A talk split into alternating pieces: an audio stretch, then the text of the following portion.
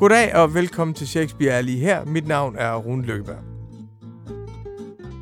Hvis der er én ting, jeg er blevet overbevist om i de senere år, så er det, at vores teorier om mennesket og vores teorier om magt er for dumme til at forstå den verden, som vi lever i. Vi har lært, at magten kan blive vanvittig, at ledere, som får betroede embeder i højt udviklede, velstående, civiliserede stater, kan opføre sig som om de er fuldstændig sindssyge. Vi har også måttet erkende, at de samfund, vi har bygget op over årtier, kan vise sig at komme op og slås med sig selv. Det betyder, at vi står med to spørgsmål, som vi ikke kan besvare. Det ene er, hvorfor gør mennesket, som det gør? Det andet er, hvad sker der med samfundet, hvis det går i opløsning?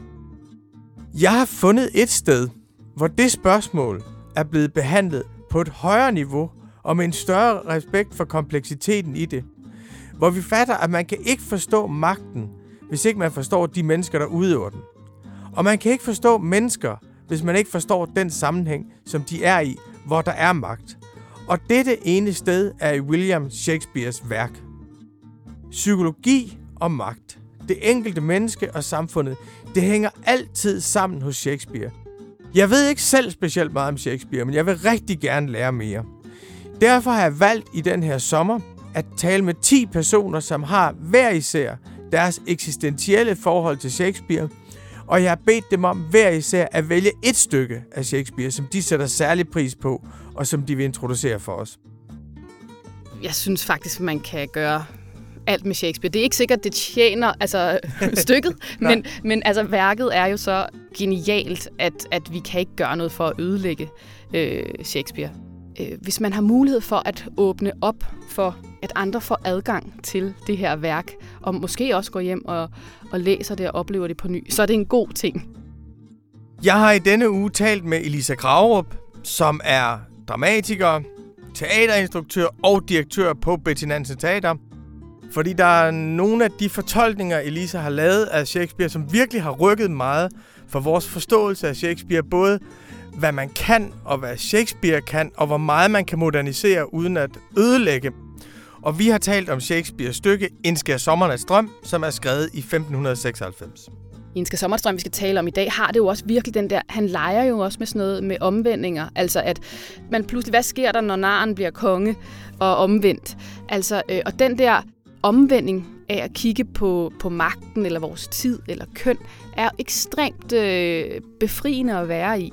Det er også derfor, det virker så moderne, fordi den identitet, de sidder fast i, på en eller anden måde, pludselig får de muligheden for at gøre noget andet, og se, hvad sker der med mennesket lige der. Lad mig høre først, hvad var dit eget første møde med Shakespeare? Det har været at, øh, at læse ham i skolen, faktisk. Øh, jeg kan huske, at vi har læst Romeo og Julie som, som noget af det første, og det har vel haft lidt sådan den samme effekt, som at læse Den unge værters lidelser øh, i en tidlig alder, altså at øh, møde sådan et stort øh, øh, følelsesunivers som ungt menneske, som er meget større end hvad omverdenen egentlig kan kapere på en eller anden måde. Øhm, og, og, og den her store kamp på, på de aller, allerstørste modsætninger med sådan hadet over for kærligheden. Og jeg tror ligesom, det var, det var nok min første indgang til det. Og så har jeg øh, selvfølgelig hen ad vejen med, øh, øh da jeg begyndte at arbejde med teater, stødt på øh, analysere Macbeth, eller søge ind på teaterskolen, og så kan du skrive om et vintereventyr, eller sådan.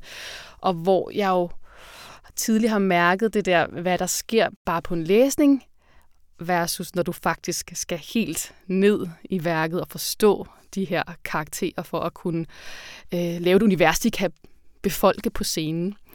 Øhm, men altså det første, jeg husker, det har jo også været ligesom sådan noget øh, Romeo og Julie-filmen, øh, hvor, hvor jeg kan huske den der, det der møde med, at et sprog kunne noget særligt i en helt moderne verden, at man faktisk kunne tale på blankvers og få de der verdener til at mødes. Så det er jo en meget poppet fremstilling, men som jo alligevel, tror jeg, gjorde enormt meget for en generation at opleve, at, øh, at Shakespeare var lige her.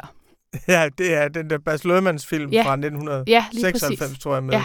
Leonardo, en meget ung Leonardo DiCaprio. Helt vildt, ja. Hvordan kom du så til at arbejde med Shakespeare? Øhm, jamen, altså, man kommer ikke... Øh, jeg har gået på, øh, på teaterskolens instruktørlinje her i, i, øh, i København, og man kommer jo ikke igennem sådan en uddannelse, uden at ligesom støde ind i Shakespeares dramaer flere gange, og øh, både som sådan noget scenestudie, hvor du arbejder med enkelte scener, men også at, øh, at den, den tørre analyse del af at sidde med de her tekster og forstå noget om øhm, sådan, øh, vi arbejder med sådan Stanislavski-metode, som er sådan, hvordan, øh, hvor Romeo og Julia er ligesom det bedste eksempel på, hvordan man kan analysere øh, et, et, et drama. Hvilke hændelser skal der være? Hvilke vendepunkter? Det er ligesom et skoleeksempel på, øh, hvis du skal finde, sådan, hvad er den grundlæggende kamp for karakteren i et stykke? Om det er kampen for retten til at elske. Og, altså, og det er jo ret sjovt, at Shakespeare på den ene side har lavet dramaer, som opfylder alt, øh, hvad man kunne sige et godt stykke er. Og så er der også eksempler på, på det modsatte, hvor det, man forelsker sig i, er noget helt andet, som blandt andet en skal sommernes drøm, vi skal tale om i dag, som på en eller anden måde ikke går at fastholde, som, som er sådan øh, vildert i sin, øh, i sin øh, dramaturgi, øh, og hvor og andre steder, hvor det jo er... Øh, jeg tror faktisk, jeg har nok tidligt været meget fascineret af sådan de store tragedier. Ja. Øhm, der var noget med den her øh, store kompromilløshed, den her store kamp imellem fornuft og følelse, som har talt øh, meget til mig, også i forhold til selv at blive det menneske, jeg var, eller jeg er, at, øh, at møde karakterer, der står i så store konflikter omkring, øh, hvad er det rigtige at gøre, og hvad føler jeg mig drevet mod at gøre.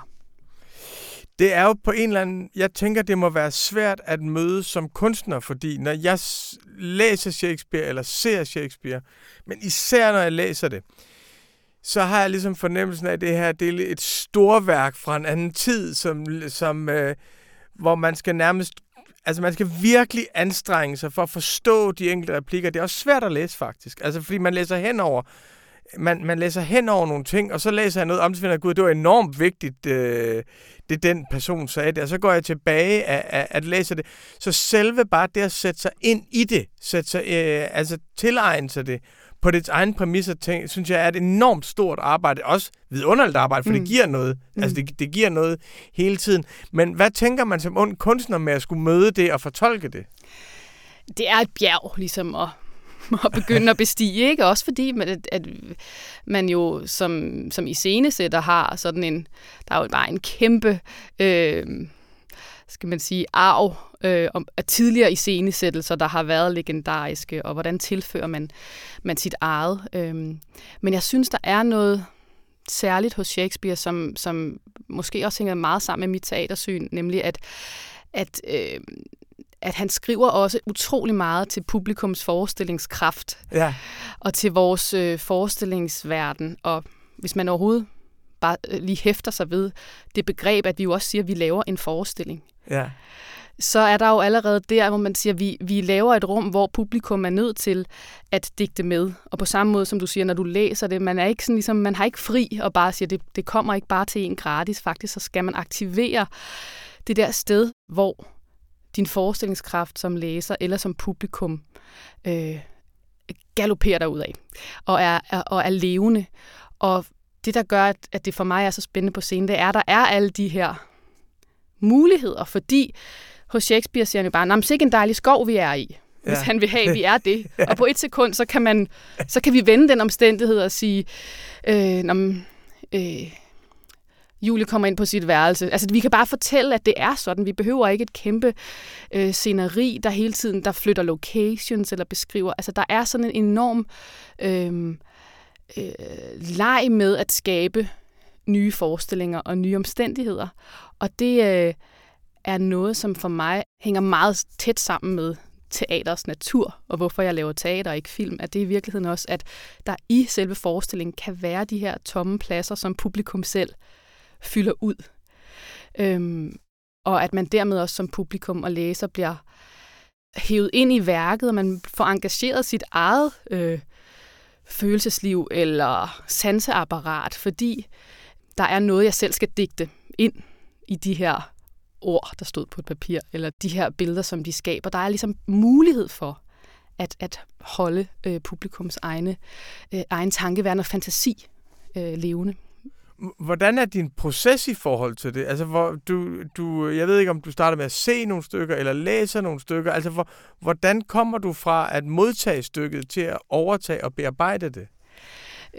Jeg tror, jeg arbejder egentlig meget sådan med en intuitiv første læsning, som handler meget om, jeg bliver øh, slået af det. Altså, bliver jeg rørt på en eller anden måde. Det kan jo både være, at man er provokeret, eller at man er øh, græder med dem, eller griner med dem, øh, med karaktererne. Så det starter faktisk meget med, at jeg skal på en eller anden måde øh, bringe bringe en eller anden form for følelsesmæssig effekt, eller at det, det, det, det sætter sig i mig. Og så er, øh, prøver jeg så det ligesom lidt bagefter, jeg begynder at forstå, hvad det egentlig var, der skete. Øh, hvorfor, hvorfor, øh, hvorfor bringer det her mig i en eller anden form for effekt? Øh, og så, så bruger jeg også meget tid på at analysere øh, stykket efter det. Men det er meget ofte først, øh, først bagefter. Altså hvis jeg ligesom føler, at jeg har, at jeg har lidt med Othello, eller den kamp, ja. han er i, øh, så, så, øh, så er det nok for mig for at forstå, okay, det her, det skal jeg lave, og så prøver jeg bagefter at analysere det. Jeg var øh, med min, øh, med min datter, noget jeg har nævnt i flere samtaler, men det var fordi, min datter var meget, meget optaget af Shakespeare, da hun var ikke særlig stor. Og der var vi over på The Globe, fordi havde hun ligesom drømt om at komme over på The, The Globe. Hvad var hun? 12, 13, 14 år på, på, på, på det tidspunkt. Og vi skulle over og se Hamlet. Det var jo perfekt. Og sådan.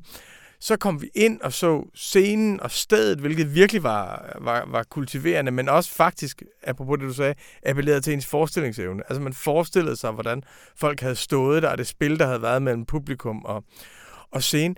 Men så har de lavet sådan en meget moderne fortolkning, hvor, øh, hvor Hamlet var en ung pakistansk kvinde. Og umiddelbart, fordi vi kom ligesom fra, fra Danmark og var rejst til kernen og Arnested, så var der sådan en enorm skuffelse over, at når vi får sådan en vild fortolkning, vi, vi, vi får ikke øh, kernen i det. øh, så går der en time eller sådan noget, så har man faktisk indstillet sig på det, og så virker det godt, fordi det er en fortolkning af det, der er Hamlet, og det gør Hamlet levende for en. Men det krævede meget, særligt en pige, der ikke var særlig stor på det tidspunkt. Hvad tænker du i forhold til, hvad man kan tillade sig i forhold til folks forventninger? Altså, hvornår det bliver dig, og hvornår det er, det er Shakespeare? Jeg synes, altså, jeg synes faktisk, man kan gøre alt med Shakespeare. Det er ikke sikkert, det tjener altså, stykket, men, men altså, værket er jo så øh, genialt, at, at vi kan ikke gøre noget for at ødelægge øh, Shakespeare. Og det interessante var også, da jeg da jeg lavede Othello i, i den her tolkning, hvor Othello var en kvinde, der, der øh, var Niels Brunse, oversætteren, faktisk inde og hjælpe med at omskrive nogle begreber, altså hvordan de omtaler Othello, øh, til kvindelige metaforer. Ja. Øhm, og, og det var jeg faktisk øh, enormt imponeret over, eller sådan, at, han, at han havde lyst til det, og kunne se sig frit på værket. Og det tror jeg var ligesom øh, også i forståelse af, at de er blevet læst på så utrolig mange måder, og det faktisk er, øh, øh, hvis man har mulighed for at åbne op for at andre får adgang til det her værk, og måske også går hjem og, og læser det og oplever det på ny, så er det en god ting. Ja, ja, ja. Øhm, og jeg tror, vi, altså, vi har jo... Det er nødvendigt med teateret som kunstart, at vi bruger os selv som mennesker i den her tid, som på en eller anden måde øh, Øh, reflekterer eller bliver et barometer for, kan, kan vi forstå det her i dag? Giver det, giver det mening øh, at se på det? Og jeg, jeg synes, det er enormt ærgerligt, hvis man dræber det ved at gøre det til sådan en museumskunstart, hvor vi, hvor vi repeterer nogle ting som, og nogle omstændigheder, som vi faktisk ikke kan mærke i dag. Øh, I den tid, vi lever i, hvor man siger, det føles ikke påtrængende. Og så, så synes jeg faktisk, at, øh, jeg tror, det var mere der, hvor jeg vil tænke, Shakespeare roterede sin grav, hvis man tænker, der er et helt sal her, der sidder og tænker, at han skulle på museum. Ja. Fordi han netop også har været et, et teatermenneske og har skrevet til den her nuets kunstart. Altså, jeg tror, han vil selv stå på en scene og mærke, prøv at høre, det, det resonerer ingen steder, det vi laver. Øhm, og man kan jo altid gå tilbage og læse øh, værkerne. Så jeg synes, øh, jeg synes altså, man må. Man må det hele. Ja, hvor, noget, som har imponeret mig og også undrede mig lidt ved Shakespeare, det er, at det virker nærmest ikke som om, der er den konflikt i vores samtid, man ikke kan reflektere i Shakespeare. Altså, og der er jo nogen... Jeg elsker Molière. Jeg synes, han er fantastisk morsom. Og der er ligesom nogle grunddilemmaer i tilværelsen, som, som bare er sat på spidsen hos, hos ham. Altså misantropen hvis jeg er ærlig, bliver jeg et dumt svin. Hvis jeg skal være en god kammerat, så bliver jeg en løgner. Og det synes jeg bare, altså jeg har tænkt på det lige siden i mit liv, efter jeg så det, Ja. så, så det første gang. Men der er så også grænser for, hvor mange steder man kan tage Molière hen. Når jeg ser Shakespeare, så kan man tage spørgsmål om race, køn, klasse, demokrati, styreform, krig, politik, social orden, fædre, døtre, mødre. Altså, hvordan forklarer du, at der er den der helt utrolige fortolkningsrum hos ham? Jeg tror ikke, det helt er til at forklare. Altså, jeg tror simpelthen ikke, det er til at begribe, at et menneske har skabt så, så kæmpe stort et værk. Men, men, men hvad jeg oplever, når jeg arbejder med det, det er jo en helt sindssygt øh, fordomsfri tilgang til, hvad det er at være et menneske. Øhm, som, som selvfølgelig er, nogle steder er stykkerne jo bundet af sin tid, men det er måske også derfor, jeg tænker, når der er sådan nogle slutninger på en komedie, hvor vi har leget med køn, og Orsino har forelsket sig i Viola, forklædt som mand, og der har været den der seksuelle spænding af, hvordan kan jeg gøre det, når du er en mand, der står over for mig. Og så lige pludselig er der en slutning, som, hvor alt lige går op, og så heldigvis så var det ikke alligevel sådan. Og, og så, så må jeg sige, i dag bliver de slutninger faktisk en lille smule...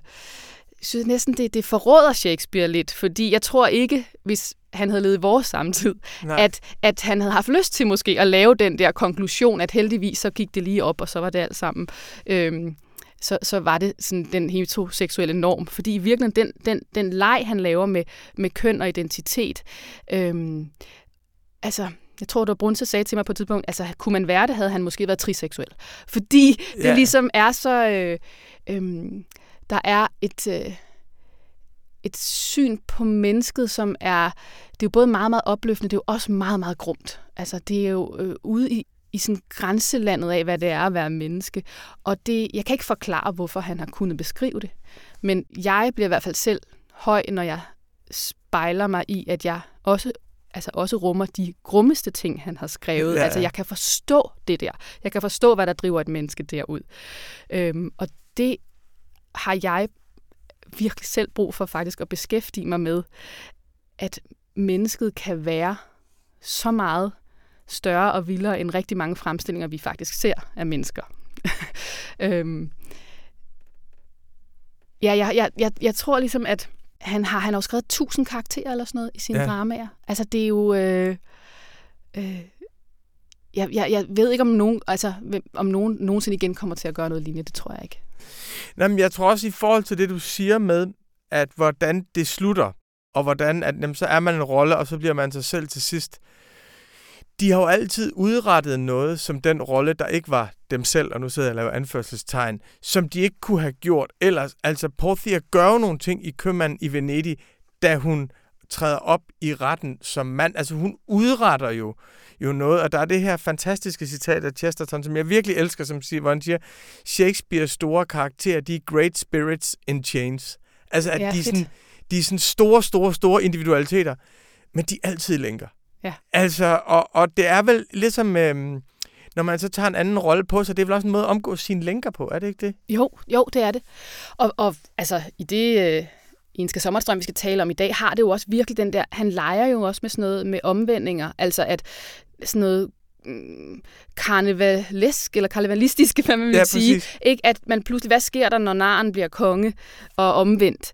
Altså, øh, og den der omvending af at kigge på, på magten eller vores tid eller køn, er ekstremt øh, befriende at være i, kan man... Øh, altså synes jeg nemlig stadigvæk. Det er også derfor, det virker så moderne, fordi den identitet, de sidder fast i, på en eller anden måde, pludselig får de muligheden for at gøre noget andet, og se, hvad sker der med mennesket lige der.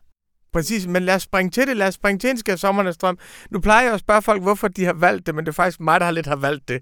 ja, det sagde, vil du ikke lave det? ja, Helt klart. vil, du ikke, vil, du, vil, du, ikke- vil du ikke nok tale om det? Det er der flere grunde til. Den ene er, at vi har ikke haft nogen komedier. Og Nej. selvom der bestemt er tragiske ting i det også, altså der er mange, der ser en skab sommernes drøm som unge, og tænker, hvor er det sjovt. Som voksen ser man også nogle ting. Jeg tror, jo mere livserfaring, ja, det kan være, at vi kan mødes som 30 år og snakke om det, Ja. jo mere livserfaring man, man får, jo mere smerte er der også der, for der er faktisk også nogle lidt ubehagelige træk ved menneskenaturen, som bliver udstillet i... Ja, øh, meget. så, men jeg ville selvfølgelig meget, meget gerne have en, øh, have en, have, have en komedie med, hvis du havde opsat det. Men så kan jeg i stedet for spørge, hvorfor, hvorfor tog du og lavede stykket i sin tid? I 2019?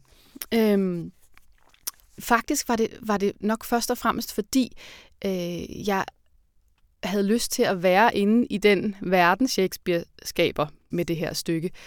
Og, og måske hænger det sammen med, øh, øh, forfatter Lone Hørslev sagde på et tidspunkt, at hun oplevede, at vi levede en affortryllet tid. Og, øh, og en skærsommernatsstrøm er alt det modsatte. Bestemt, ja. Øhm, og og, øh, og det, det, det slog mig, ligesom da jeg, da jeg læste, hvor befriende og vildt det var at være i en verden, som er øh, som, som gør det metafysiske til noget sådan helt konkret, vi tror på. Ja. Som, gør, som gør drømme til noget, som er levende for øjnene af os, som leger igen med den her forestillingskraft øh, og udstiller menneskets latterlige adfærd. Øh, jeg tror, jeg tror, det var rigtig meget den verden der, at bevæge sig ud af den skov, hvor der sker et slip, hvor mennesker pludselig begynder at opføre sig fuldstændig vanvittigt, og måske er det vores sande natur. Det er jo også sådan et spørgsmål, der hele tiden er. Øhm, ja. ja, og man oplever faktisk, synes jeg, at man ser først noget, som er magisk, og så tænker man bagefter, hmm, den magi kender jeg godt. Altså, ja. du ved, det, det har en genfortøllende effekt. Man ser noget, der er helt fremmed, og så kommer man til på, gud, jamen, sådan med kærligheden og sådan noget, kan jo godt være på den måde. Men hvis vi lige hjælper vores lyttere lidt, hvad, hvad er sådan... Øh, det, der er jo ligesom, der er tre historielinjer i øh, en, en skal sommer. Ja, næsten fire faktisk. Øh, altså, det er vanvittigt svært at referere. Jeg sad ja. lige inden jeg kom herhen, så prøvede jeg ligesom sådan, okay, hvis jeg skulle referere det fra start til slut, det er ret, det er ret vanskeligt. Ja. Øhm, fordi der netop er de her tre eller fire spor. Jeg skal prøve sådan at, at, at riste op. Øhm, vi er i Athen. Øhm, Athens hertug Theseus øh, står foran sit bryllup med Hippolyta, øh, sådan et par dage eller tre før øh, de skal giftes. Og øh, ind kommer en adelsmand, som øh, Egeus, som gerne vil have, at Theseus dømmer i en konflikt, han har med sin datter. Øh, og det er, at øh, hun ikke vil gifte sig med den mand, han har udset øh, til hende, som hedder Demetrius. Og her med hans datter elsker Lysander, øh, og nægter ligesom at følge sin fars vilje. Øh, og det, de får ligesom til dom af hertugen, at hun øh, skal beslutte sig, når, når hertugen gifter, så skal hun også øh, have besluttet sig for, at hun vil have øh, Demetrius, ellers så må hun gå i kloster og rådne op der. Ja. Så lades de unge alene, og der optræder ligesom også en, en fjerde karakter, så vi er to par, to kvinder, to mænd. Begge mænd elsker den ene kvinde, og den anden kvinde er håbløst forelsket i øh, ham, som hedder Demetrius, øh, og hun hedder Helena, hvilket også er sådan en lidt øh, mobbende, fordi hun er ikke den skønne Helena, hun er ligesom, i hvert fald i sin egen opfattelse, grim, uelskelig, øh, helt i underskud, øhm, og kigger ligesom på den skønne Hermia, som, som begge mændene vil have. Øhm, Hermia flygter med sin elskede Lysander ud i skoven, fordi så kan de komme hen et sted, hvor de kan giftes. Og det er jo også sådan lidt en leg med, her er der faktisk en verden uden for Verona, ja. øh, så, så, så, hvor man kan sige, øh, der er en leg med rigtig mange Romeo og Julie-metaforer. Ligesom Som er skrevet på nogenlunde samme tid, ikke? Jo, jo, øh, det mener jeg. Øh, så, så de unge elskende her har faktisk en vej ud. Det er jo også sådan et, et komediegreb, øh, at de, de, øh, de faktisk godt kan komme væk derfra. Alle fire unge flygter ud i skoven, og der får vi ligesom introduceret øh, det andet store spor, som er den her alfeverden, hvor alfekongen Oberon, alfedronning Titania har en øh, frygtelig konflikt, som er svær at forstå, ja. fordi den handler om, at Titania har en ung inderdreng, en page i sit følge, som øh, Oberon vil have. Ja. ja. og han vil have ham ja. som sin tjener, men man for, det er virkelig svært at forstå, hvad det er med det her den her dreng, som de slås om. I hvert fald er de blevet så øh, rygende uvenner, at deres magt over naturen gør, at årstider er vendt om. Der er fuldstændig uorden i, øh, i naturen over, over hele jorden, fordi de to metafysiske væsener her har den konflikt. Øhm, Oberon beslutter sig for, at han vil hævne sig på Titania. Han vil, han vil ligesom gøre hende til nar. Øhm, og det vil han gøre ved at hente en meget vigtig ting, som er at saften af en blomst, der gør, når du drøber den i øjet, så forelsker du dig i det første, du ser. Det er jo igen sådan lidt en mockery fra Shakespeares side at lege med det der Petrarchas love at first sight. Hvad hvis det helt konkret sker? Ja. Og det kunne være, at hun forelskede sig i noget fuldstændig latterligt. Det er ligesom operens drøm. Så han sætter Puk, sin øh, følgesvend, sin højre hånd, sin øh, drilleånd, øh, afsted for at hente den her blomst og giver ham til opgave at, at komme tilbage med den. Og så får de øje på menneskene, og på vejen vil han så også have, at Puk gør det ved Demetrius, som ikke elsker Helena, fordi han synes, han er for hård ved hende. Øhm, og øh, det gør Puk så, men forveksler ligesom de her fire unge. Og lige pludselig, hvis man skal summe det op, øhm, så elsker begge unge mænd Helena frem for Hermia, og der er nogle fuldstændig vilde forviklinger, hvor de selvfølgelig ikke forstår, hvad der foregår. Øh, fordi øh, det her love at first sight drug, de har fået, det her trip, de kommer på, ja. øh, gør dem fuldstændig gale. Øhm, og, øh, og kvinderne kan ikke forstå det. Altså Helena de, tror, at de mobber ja, hende faktisk. Ja, præcis. Jeg tror, de, du tror, de tager pis på hende, når de siger, at... At, øh, at, at de at elsker de, hende, ja. ja. Og det er jo også bare sådan en fuldstændig... De, har ligesom, de bliver jo mere og mere desperate, de her unge mænd, fordi de elsker hende simpelthen altså, til døde, og hun tror ikke på det. Øhm, men det er jo noget, der løber over en nat, det her. Så øh, når vi kommer frem til morgenstunden, så får de drøbet noget andet i øjnene, og pludselig så vågner de op af en drøm, tror de. Men de har jo opført sig fuldstændig galt herude øh, i skoven den der nat. Så er der et tredje spor, som er, at vi faktisk ved siden af har sådan et crazy sidekick-kompani, som er en gruppe håndværkere, som skal opføre et, øh, et stykke til hertugens bryllup, og de øver ude i skoven. Og på et tidspunkt, deres lead actor, Rumpe, øh, bliver ligesom den første, som Titania får øje på og forelsker sig i. Og det gør hun vel at mærke efter, at han har fået sat et æselhoved på af Puk. så hun får ligesom det her grænseløs forelskelse i et æsel, som, som, som jo, kunne man sige, var alfekongens fantasi, at hun ligesom ville øh, ydmyge sig selv på den måde. Hun bliver helt øh, fuldstændig vild med den her øh, brunstige æsel-karakter, som jo er, vil være meget under hendes stand som dronning og som på engelsk hedder Bottom. Han hedder Bottom, ja. Altså, det er dronningen, der bliver forelsket i Bottom. Lige præcis. Øhm, og det er der jo, øh, har man jo sikkert grinet gevaldigt af, den her igen omvending, som er sådan meget øh, naren, der får lov at blive blive konge, og, og hun ligger og kæler for ham, og det er sådan helt øh, vanvittigt. Øhm, men alt det her, alle tråde bliver på en eller anden måde ret ud, fordi alfekongen og alfedronningen, de løser ligesom deres konflikt til sidst øh, om drengen. De får lavet balance i naturen igen, og de unge kommer tilbage til byen, nu affortryllet, men alligevel, måske er de egentlig man ved ikke helt, om det Nej. helt er affortryllet. øhm, men, men pludselig bliver der sådan et trippelbryllup mellem hertugen, vi mødte i starten, og de to øh, unge par. Og så kommer håndværkerne og laver et kæmpe spektakel til det her bryllup, hvor de opfører deres redselsfulde stykke, øh, som baserer sig på øh, Pyramusatispe, som er uvid sådan forlæg for Romeo og Julie. Så der er rigtig mange af sådan nogle også sådan lidt selvreferentielle ting øh, hos Shakespeare, netop med en leg med det her øh, Romeo og Julies spor. Men, men man kunne sige, i stedet for hvor det hos Romeo og Julie er sådan Romeo eller døden, så det her øh, Lysander eller Demetrius. Ja. Ikke? Altså, der er sådan en... Pludselig her er, der egentlig, er den ene egentlig, egentlig bedre end den anden. Øh, og den der udskiftelighed er jo også noget, der sker lige pludselig, som sådan, Nå, så kunne man måske også tage den anden i stedet for.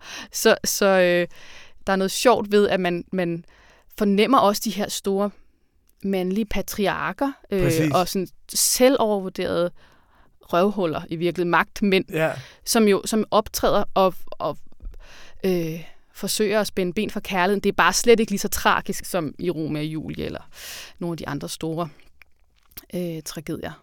Men der er det her med, at øhm, det var for et imponerende referat. Uff, jeg er ja. helt forpustet. Men der er det her, som at der er det her hos Shakespeare, som næsten altid er der, både med sådan en traditionel orden, som er faren vil bestemme, hvem hun skal gifte sig med, og hun siger, hvis bare du kunne se verden med mine øjne, og, og hun får at vide, hvis bare du kunne se verden med hans øjne. Og allerede der har du de to roller. Men der er også det her med, at der er en orden, og kærligheden er farlig. Ja. Altså, kærligheden er farlig i forhold til... Øh... Ja, seksualiteten er farlig. Præcis. Ikke? Det er jo, altså, det er jo et, et måske næsten det drama, der er, øh, som har størst seksualitet som, som en kraft. For det er klart, altså det, der sker derude mellem de unge, det er jo også, at de pludselig øh, begærer hinanden ukontrollabelt. Øh, så det bliver jo også en, øh, noget, der går imod den, den orden, øh, som, som hersker inde i byen.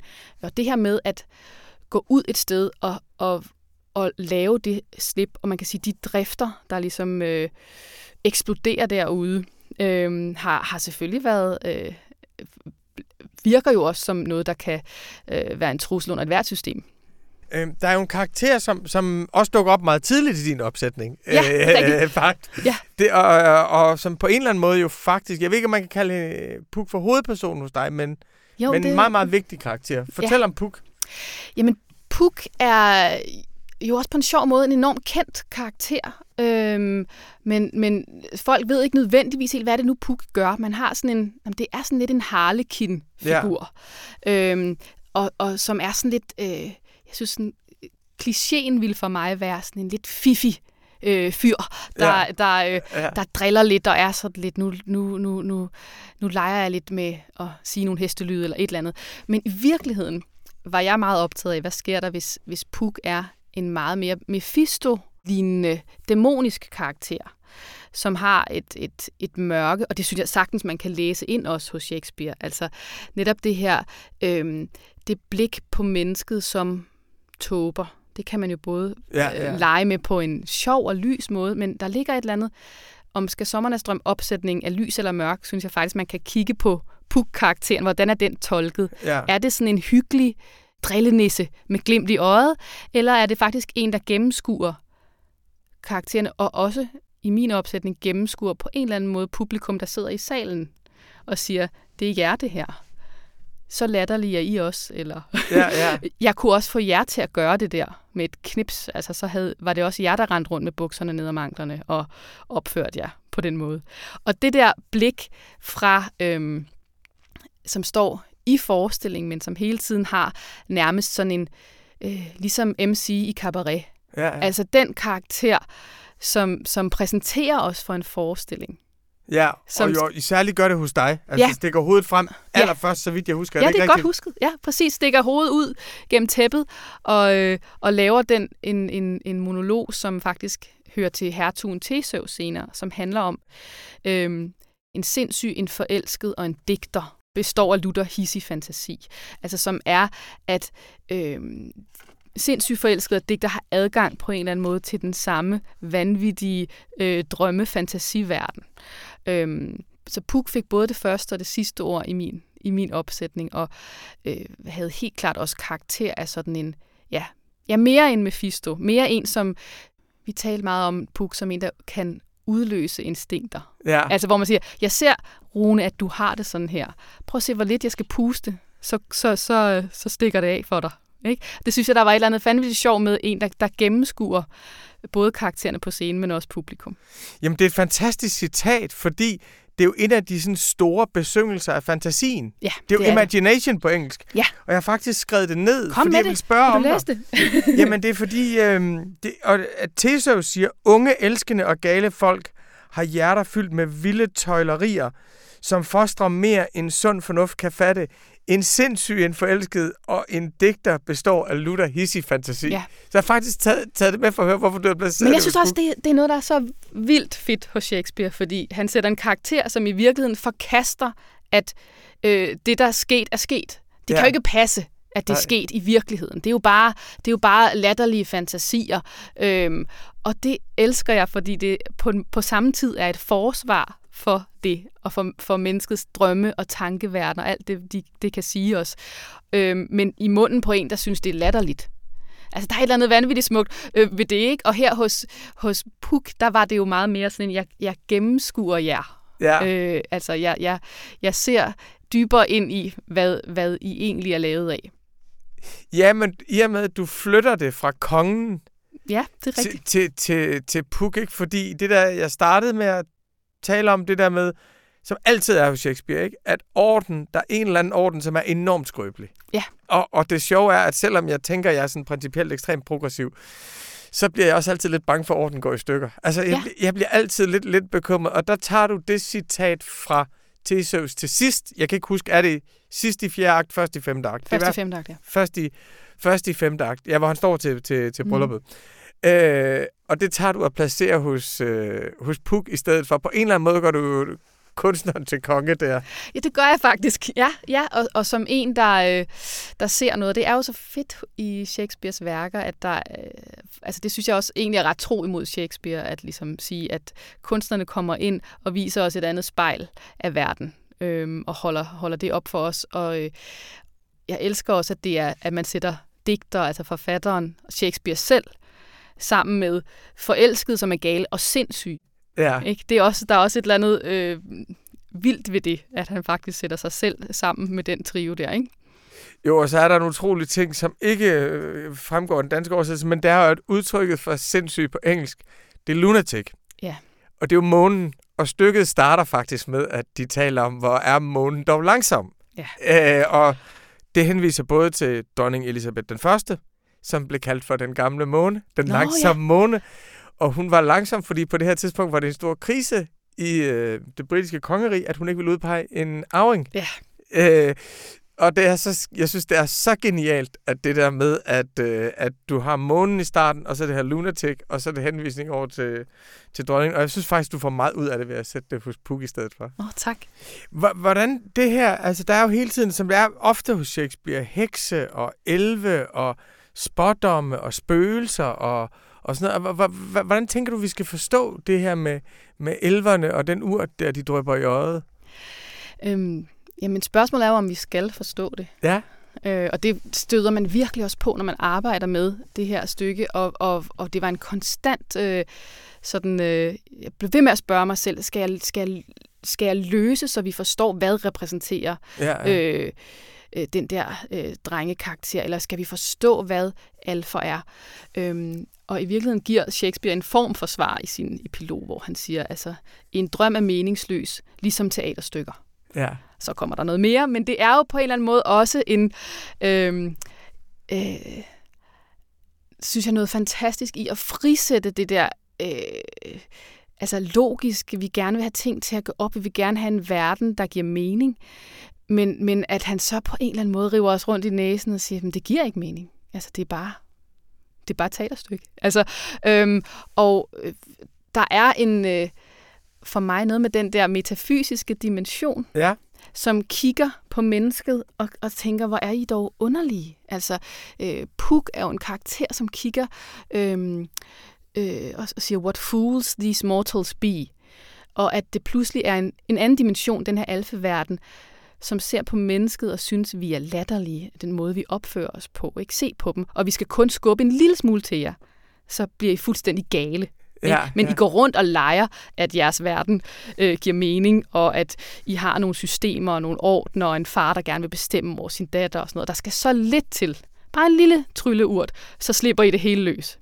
Og der er noget der med menneskets natur, som, som jeg jo synes er noget af det vildeste hos Shakespeare, at, at øh, på en eller anden måde, så krasser han bare en lille smule i de her mennesker, og så blotlægger de nogle fuldstændig vanvittige ting. Ikke? Jo, og det sjove er, synes jeg, ved stykket, at, at hvis man genfortæller det, øh, og man tager, jamen så får de urt i øjet, og så er der nogle øh, elver og alver og, og, og alfer, og, og, og hvad, jeg, så lyder det jo vanvittigt. Men faktisk genkender man jo nogle af de menneskelige mønstre. Altså Ja. det der med, at altså, dronningen kan jo godt. Den, der er højt social, altså den, der er på toppen af det sociale hierarki, kan godt pludselig begære en, Ja. som i sådan en øh, æstetisk, moralsk orden faktisk har et æselhoved. Altså, kan godt begære noget dyrisk, og mm. noget, noget, der på mange måder er under hendes niveau. Det er faktisk svært at forestille sig nogle mennesker, der ikke begærer det en gang imellem. Ja. Plus at den der dynamik med, at når man øh, to er forelsket i den samme, Mm. øh, men når så den ene ændrer sig, at man, når man så den ene forelsket i en, altså man kender alle sammen det med, at der er en person, der bliver attraktiv, fordi der er en anden, der er forelsket i vedkommende. Altså de der sådan, øh, Ja, præcis. dynamikker. Og og det, på den måde, jeg mener, at det der... Jeg synes, det har en stor styrke, at det ikke er psykologiseret. Ja, Ja, lige præcis. Og der er jo også sådan en ret sjov leg med den der øh, udskiftelighed, som jeg synes var sjov at hive frem, at, at for de unge selv er de vanvittigt, altså vi er så, dejligt begreb, unikke. Ikke? Ja. At man er, så, man er så meget sig selv og så unik i den alder, og samtidig så kan du bare bytte dem ud. Og det sjove er også, selv folk, der har, har spillet stykket, kan faktisk ikke huske, var jeg Lysander eller Demetrius? Altså, øh, hvor Shakespeare leger også med det der menneskets idé om, at vi er jo nogle små guder i vores verden. Ikke? Og så bringer han dem ud et sted, hvor der er nogen, der har en lidt større magt end os til at, at, at bringe os ud af fatning. Og den der øh, udskiftelighed, at, at så er vi måske heller ikke større eller mere specielle, eller øh, kunne alle sammen falde for et vanvittigt begær, for eksempel. Ja, og det er jo lidt som om, synes jeg, at Altså ligesom det der med, at drømmen er jo, altså, drømmen er jo mellem alle vores hverdage. Mm. Altså på en eller anden måde, at skoven ligger derude som mulighed. Det er jo, ikke, det er jo lige uden for Athen. Altså, altså det er jo ligesom, det er jo et eksistensrum, der findes ved siden af hele tiden. Ja. Og det ender jo i sådan en orden på overfladen. Ja, lige præcis. Og, og, og man har følelsen af, at den der skov bulrer nedenunder, og de Præcis. måske ikke har helt sluppet den, altså hvor man også tænker sådan, okay, det der med, som jeg synes var vildt fedt at kigge på i vores tid, altså hvis der, tænk, forestil der er et sted, hvor du kan forsvinde, hvor ingen ved, hvad du laver, og hvor du har ligesom, du har øh, fri til at udleve hvad som helst. Og det er det der, det, det, det den mulighed er der, netop også da stykket slutter, og så derfor, ja, det er helt rigtigt, at det er ikke sådan en, altså alt går op, fordi, fordi de har været der, så, så, øh, så ligger det som en mulighed. Men du laver jo så en ret drastisk fortolkning. Ja. Altså, øh, og som, øh, jeg synes, det der er øh, svært for mig at se på afstand hos Shakespeare, men som jeg kan se af dem, der ved mere om den, jeg gør, det er, at han hele tiden blander det høje og det lave. Ja. Og jeg tror, noget, der må være en risiko som instruktør, det er, at man kun ser det fornemme, og man ikke bringer det lave ind. Men der laver du jo et ret drastisk greb, Ja. faktisk. I, Ja. øh, for, fortæl om det greb. Jamen altså, øh, det her lag med nogle håndværkere, der skal opføre et stykke, altså nogle amatører, som skal spille et fint øh, drama, er en ret et, et, et meget vigtigt spor i stykket, og som også er noget, hvis vi kender det her godt brølt løve og de der ting. Det er, ja, det er derfra, ikke? Jo, det er meget, det er meget øh, elsket, men samtidig øh, øh, synes jeg også, når vi læser det, at det har en noget bedaget over sig, må jeg simpelthen sige. Altså, øh, også selvom at det er glimrende oversat, så, så er der nogle...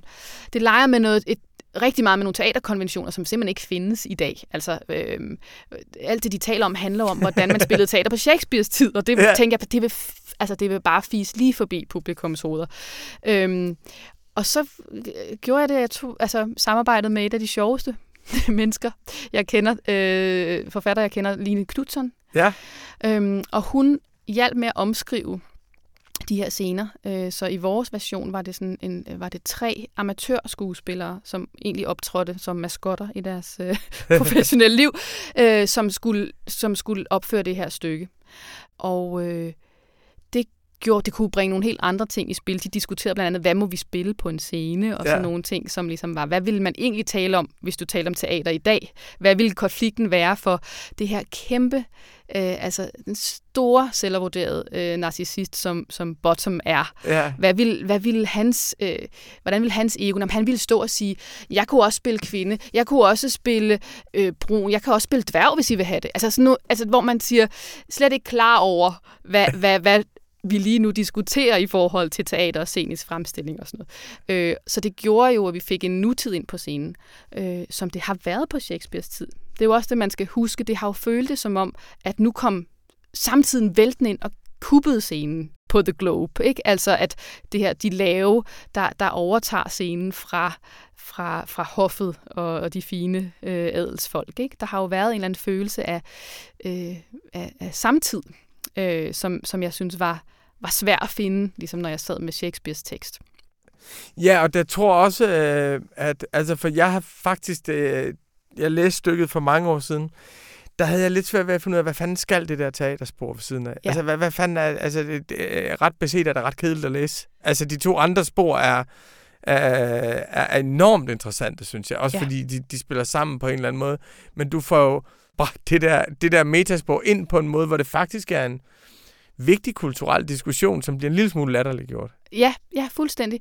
Øhm, og faktisk også gjorde vi dem lidt til helte i vores opsætning, fordi de endte med, at, at den oplevelse at have været i skoven bragte dem tættere på øh, at skabe kunst. De gik tilbage til at fortælle den oprindelige øh, pyramusatisme med noget tekst fra Ovid, som er vanvittigt smukt. Så brugte jeg det, og det var jo også sådan lidt en hilsen til, at at Shakespeare har jo bygget på så mange forlæg. Og det er måske også, det tænkte jeg før, øh, noget af det, hvorfor har han kunnet det? Han har jo også stjålet med arme og ben, Ja, øhm, og, og altså fortalt oven på ting.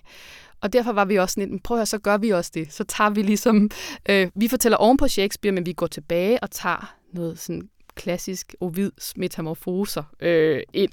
Fordi det føles som om, at, at det kunne vi, og vi vil også gerne vise, at den der overfladiskhed, der var, øh, ved hoffet, hvor de faktisk bare sidder og latterliggør. Altså hos Shakespeare, de er vanvittigt usympatiske, de latterliggør bare de her øh, håndværker, der forsøger at spille et drama. Ligesom, ikke?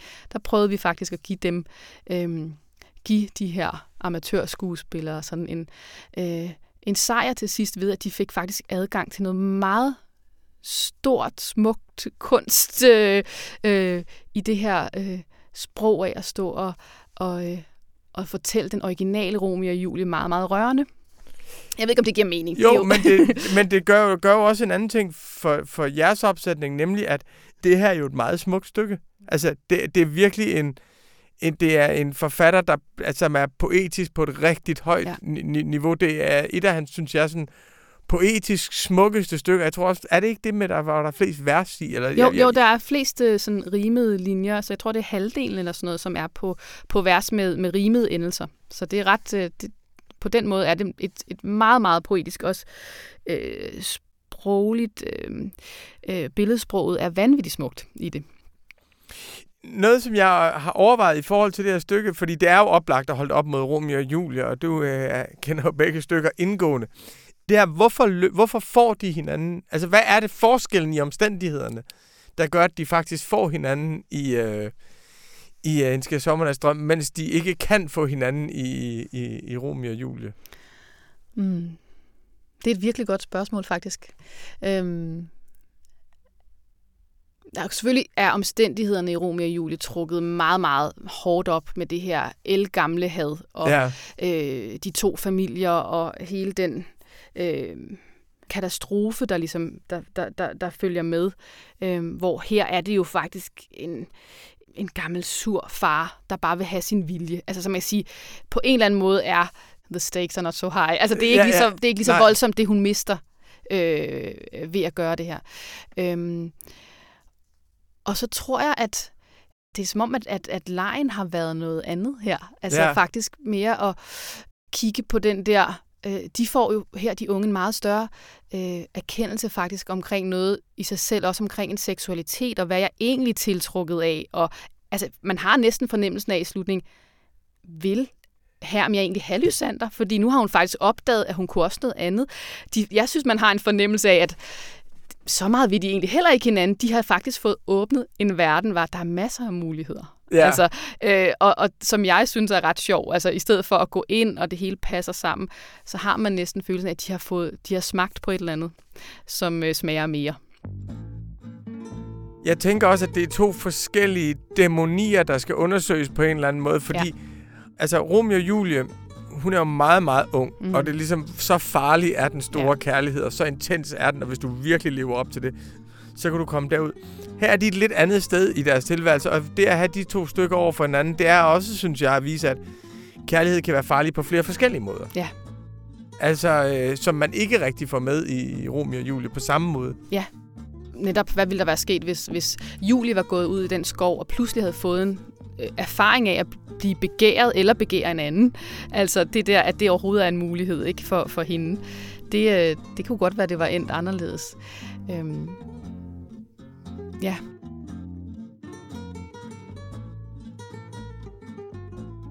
Det her var den sidste samtale i vores serie om Shakespeare.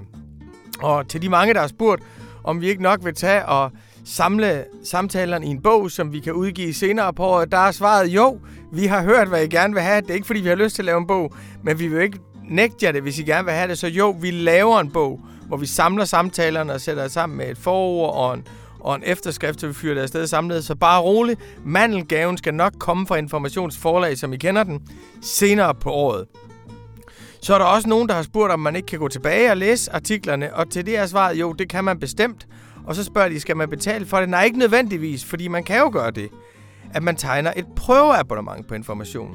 Og hvis man går ind på information.dk-prøv nu, information.dk-prøv nu, så kan man faktisk få information gratis i en måned. Og først derfra skal man tage stilling til, om man for alvor vil have læderet op af lommen og lave et meningsfuldt, længerevarende og forpligtende forhold til Dagbladet Information. Tak til alle, der lyttede med. Det har været en fornøjelse at komme igennem Shakespeares værk, og jeg har en eller anden fornemmelse af, at selvom det føles som om vi er færdige lige nu, så er vi kun lige begyndt.